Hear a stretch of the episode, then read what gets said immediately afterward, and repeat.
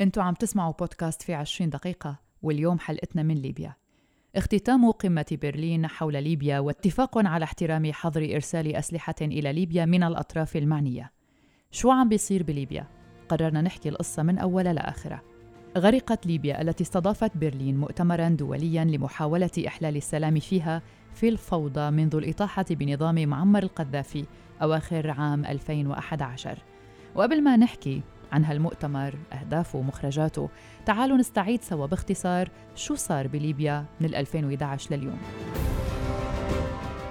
في شهر شباط فبراير 2011 اندلعت في بنغازي شرق ليبيا احتجاجات واجهها نظام القذافي بقمع عنيف قبل أن تمتد إلى مناطق أخرى. في آذار مارس شن تحالف بقيادة واشنطن وباريس ولندن هجوما تمثل بقصف جوي مكثف على مقرات القوات التابعة للقذافي بعد حصوله على الضوء الأخضر من جانب الأمم المتحدة. في 20 تشرين الأول أكتوبر قتل القذافي في آخر هجوم للمعارضين على سرت مسقط رأسه إلى الشرق من العاصمة الليبية وبعد ثلاثة أيام أعلن المجلس الوطني الانتقالي الأداة السياسية للثوار آنذاك أعلن التحرير الكامل للبلاد. في آب أغسطس 2012 سلم المجلس الوطني الانتقالي سلطاته إلى المؤتمر الوطني العام البرلمان الذي انتخب قبل شهر وبلش استهداف السفارات بالحادي عشر من أيلول سبتمبر 2012 قتل أربعة أمريكيين بينهم السفير كريستوفر ستيفنز في اعتداء على القنصلية الأمريكية في بنغازي نسب إلى مجموعة جهادية مرتبطة بتنظيم القاعدة. في 23 نيسان أبريل 2013 استهدفت سيارة مفخخة السفارة الفرنسية في طرابلس ما أدى إلى إصابة عنصرين فرنسيين من الحرس وأغلقت غالبية السفارات الأجنبية أبوابها وغادرت طواقمها البلاد. وصار في حكومتين متنافستين. لنفهم شو صار أو شو عم بيصير وكيف عم بيصير لازم نعرف شو وجه النزاع اليوم بليبيا وليش عم بيصير هالتنازع. تتنازع على السلطة حكومة الوفاق الوطني التي تعترف بها الأمم المتحدة وتتمركز في العاصمة طرابلس والسلطة يرأسها المشير خليفة حفتر في الشرق. في السادس عشر من أيار مايو 2014 أعلن اللواء المتقاعد خليفة حفتر بدء عملية ضد جماعات متشددة مسلحة في شرق ليبيا وانضم ضباط من المنطقة الشرقية إلى صفوف الجيش الوطني الليبي الذي شكله. في الخامس والعشرين من حزيران يونيو 2014 تم انتخاب برلمان جديد جاءت أغلبيته مناوئة للمتشددين الذين قاطعوه. لكن في نهاية آب أغسطس وبعد أسابيع من المعارك الدامية سيطر ائتلاف فجر ليبيا الذي ضم العديد من الفصائل المسلحة وبينها جماعات متشددة على العاصمة طرابلس وأعاد إحياء المؤتمر الوطني العام البرلمان المنتهية ولايته وتم تشكيل حكومة. واستقرت الحكومة والبرلمان في حزيران يونيو في شرق البلاد وأصبح في ليبيا برلمانان وحكومتان. في كانون الأول ديسمبر 2015 وبعد مفاوضات استمرت أشهرا وقع ممثلون عن المجتمع المدني ونواب في صخيرات في المغرب اتفاقا برعاية الأمم المتحدة وأعلنت حكومة الوفاق الوطني. في آذار مارس 2016 نجح رئيس هذه الحكومة فايز السراج في التمركز في طرابلس لكن في الشرق بقيت الحكومة الموازية التي يدعمها حفتر والبرلمان معارضين له. في كانون الأول ديسمبر 2016 أعلن المشير حفتر تحرير سرت معقل تنظيم داعش الذي بدأ ينتشر قبل سنتين مستفيدا من غياب الدولة. في الخامس من تموز يوليو 2017 أعلن حفتر الذي كان قد ترفع قبل شهر إلى رتبة مشير أعلن التحرير الكامل لبنغازي من الدواعش الذين بقوا مع ذلك يشكلون تهديدا لبلد يشهد اعتداءات دامية. وبدأت الانقسامات. في الخامس والعشرين من يونيو 2017 اجتمع فايز السراج والمشير خليفة حفتر في باريس وتعهدا إخراج البلاد من الفوضى.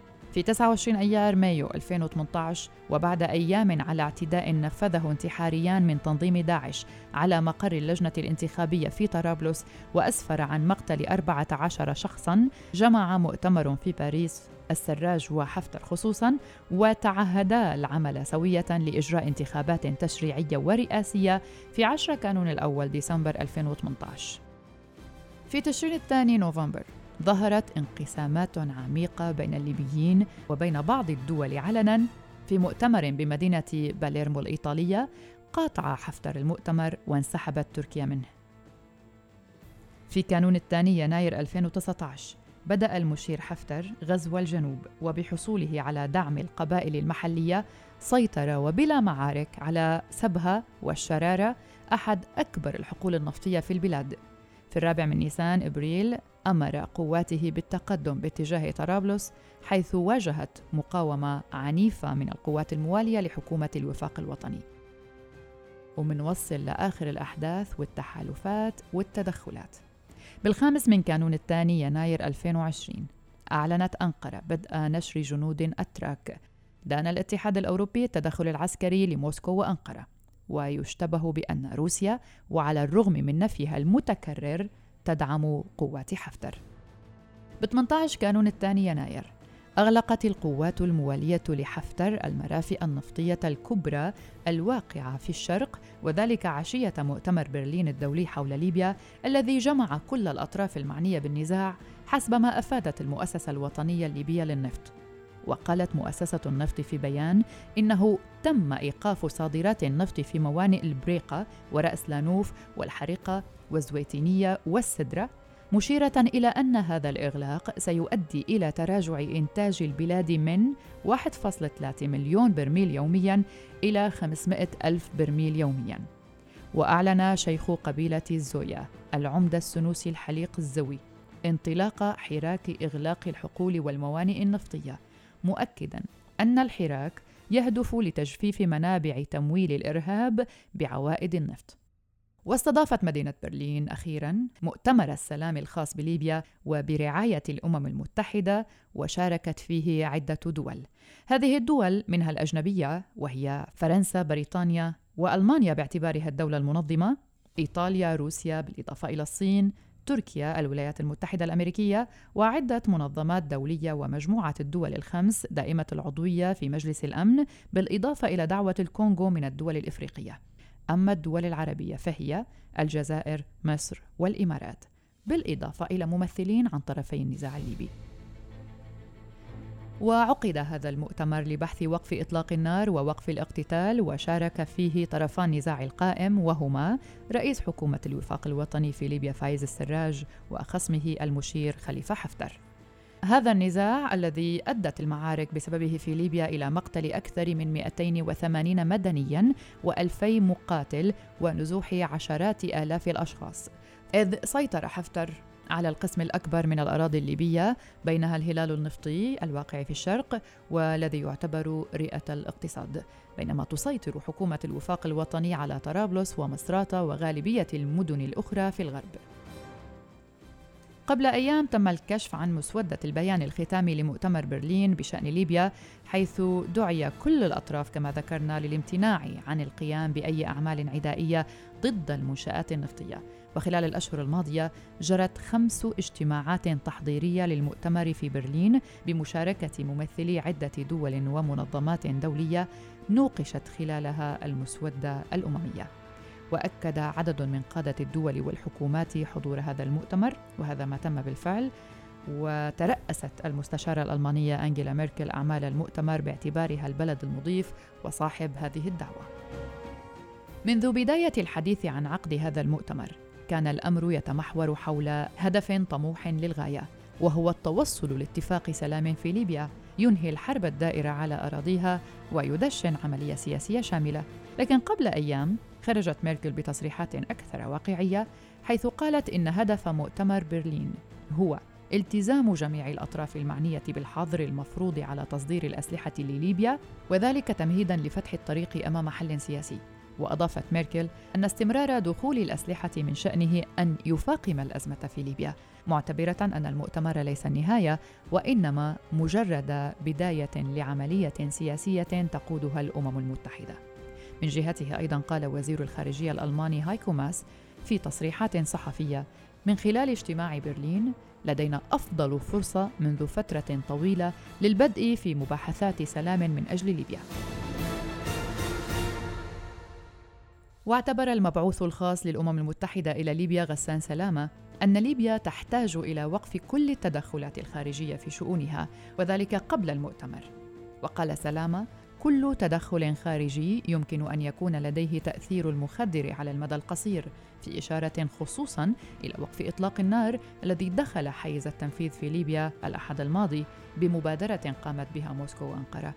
وأكد أن ليبيا تحتاج إلى وقف كل التدخلات وهذا هو أهم أهداف مؤتمر برلين الهادف لإنهاء النزاع الليبي.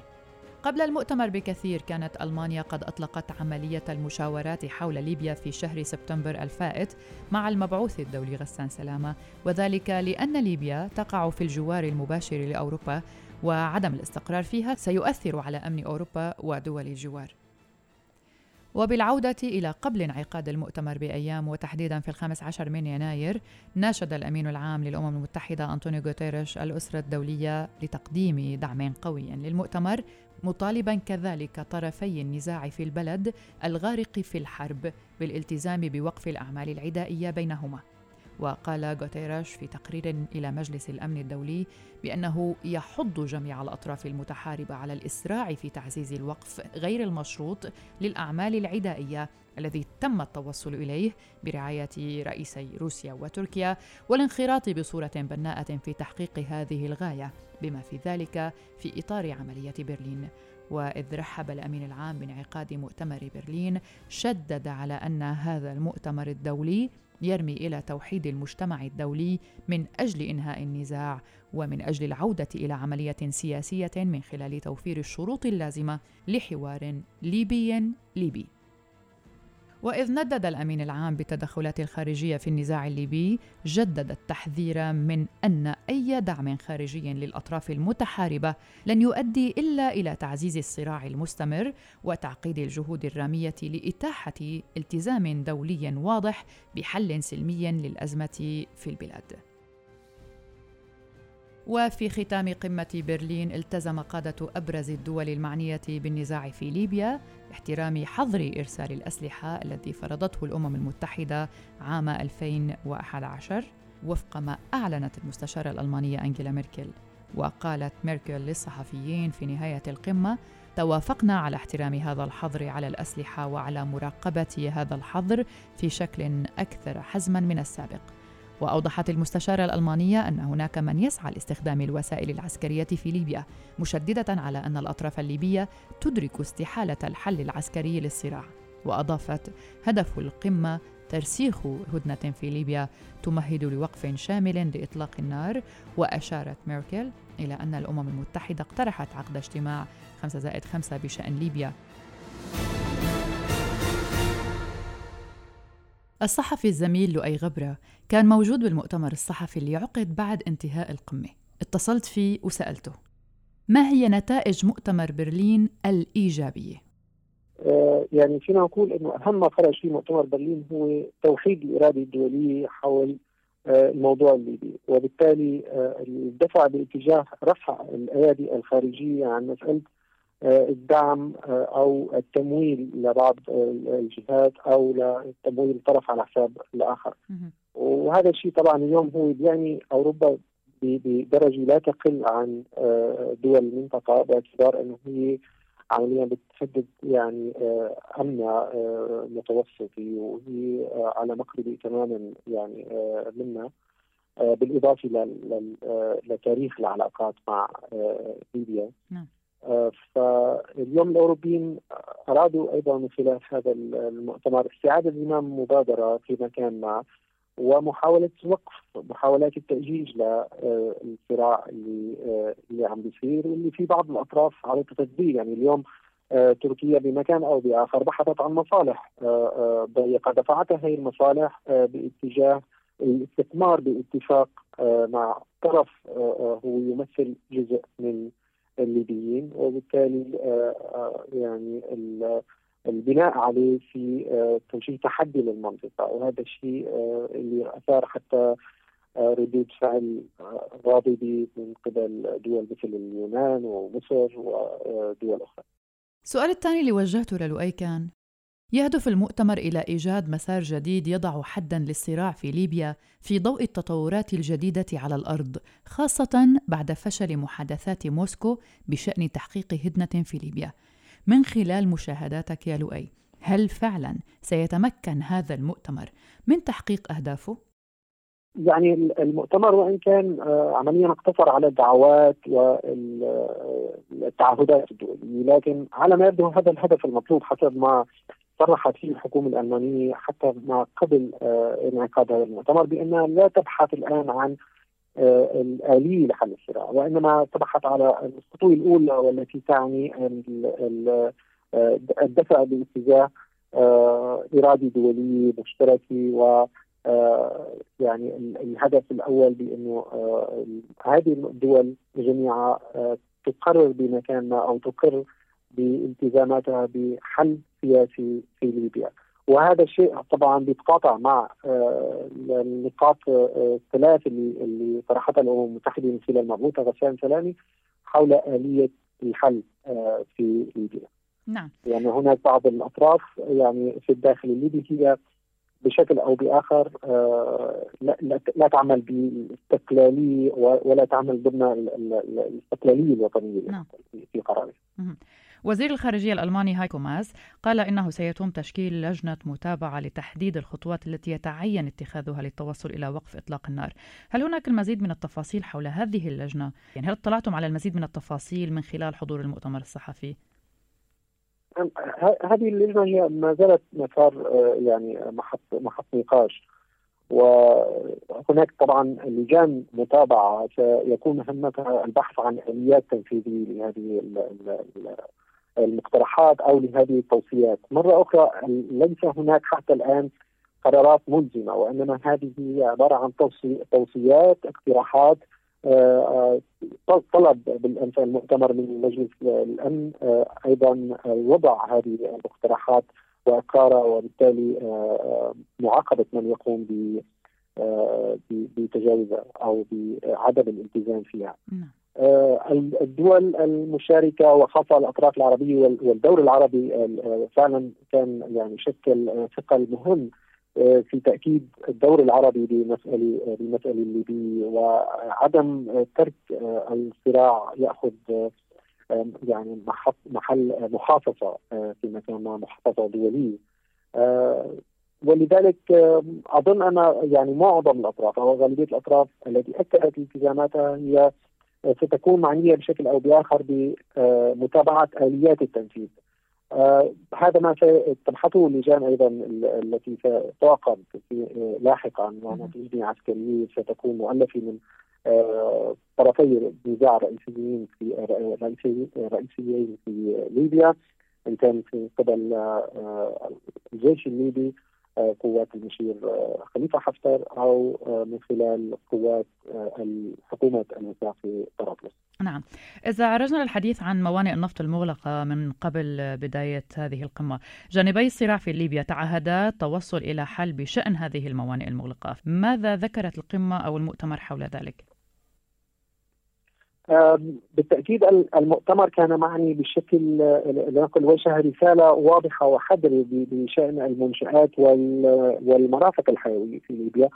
آه، لأنه لأن بذلك تهدد فعلا آه، سيروره الحياة آه، الاقتصادية والعمل من خلال هذه الموانئ هو يشكل العصب الرئيسي اليوم للاقتصاد الليبي. نعم. فبالتالي لا يريد المجتمع الدولي أن يتم تهديد هذه المراكز. لذلك وجه رسالة واضحة بأن بأهمية أيضا العمل على آه، آه، توجيه آه، أو تحديد رسائل تشكيل لجان أمنية لمتابعة هذا الموضوع ومنع السيطرة أو منع وقوع وقوعها تحت سيطرة ربما أطراف لا لا يمكن فيما بعد التعاون معهم إن كان دوليا أو داخليا. نعم. وبالتالي تعريض سلامة هذه المرافق وتعريض أيضا الدخل القوي الليبي لمخاطر جديدة.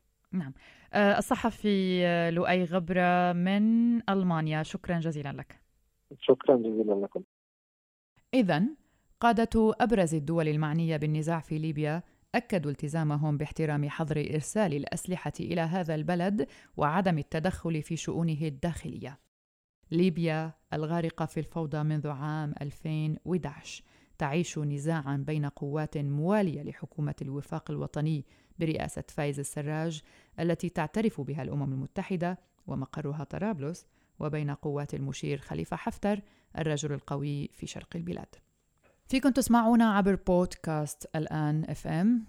فيكم تدوروا علينا عبر بودكاست الآن FM وتلاقونا على مختلف المنصات iTunes Spotify Google Podcast وأكيد عبر SoundCloud شكرا لكم لحسن الاستماع. إلى اللقاء.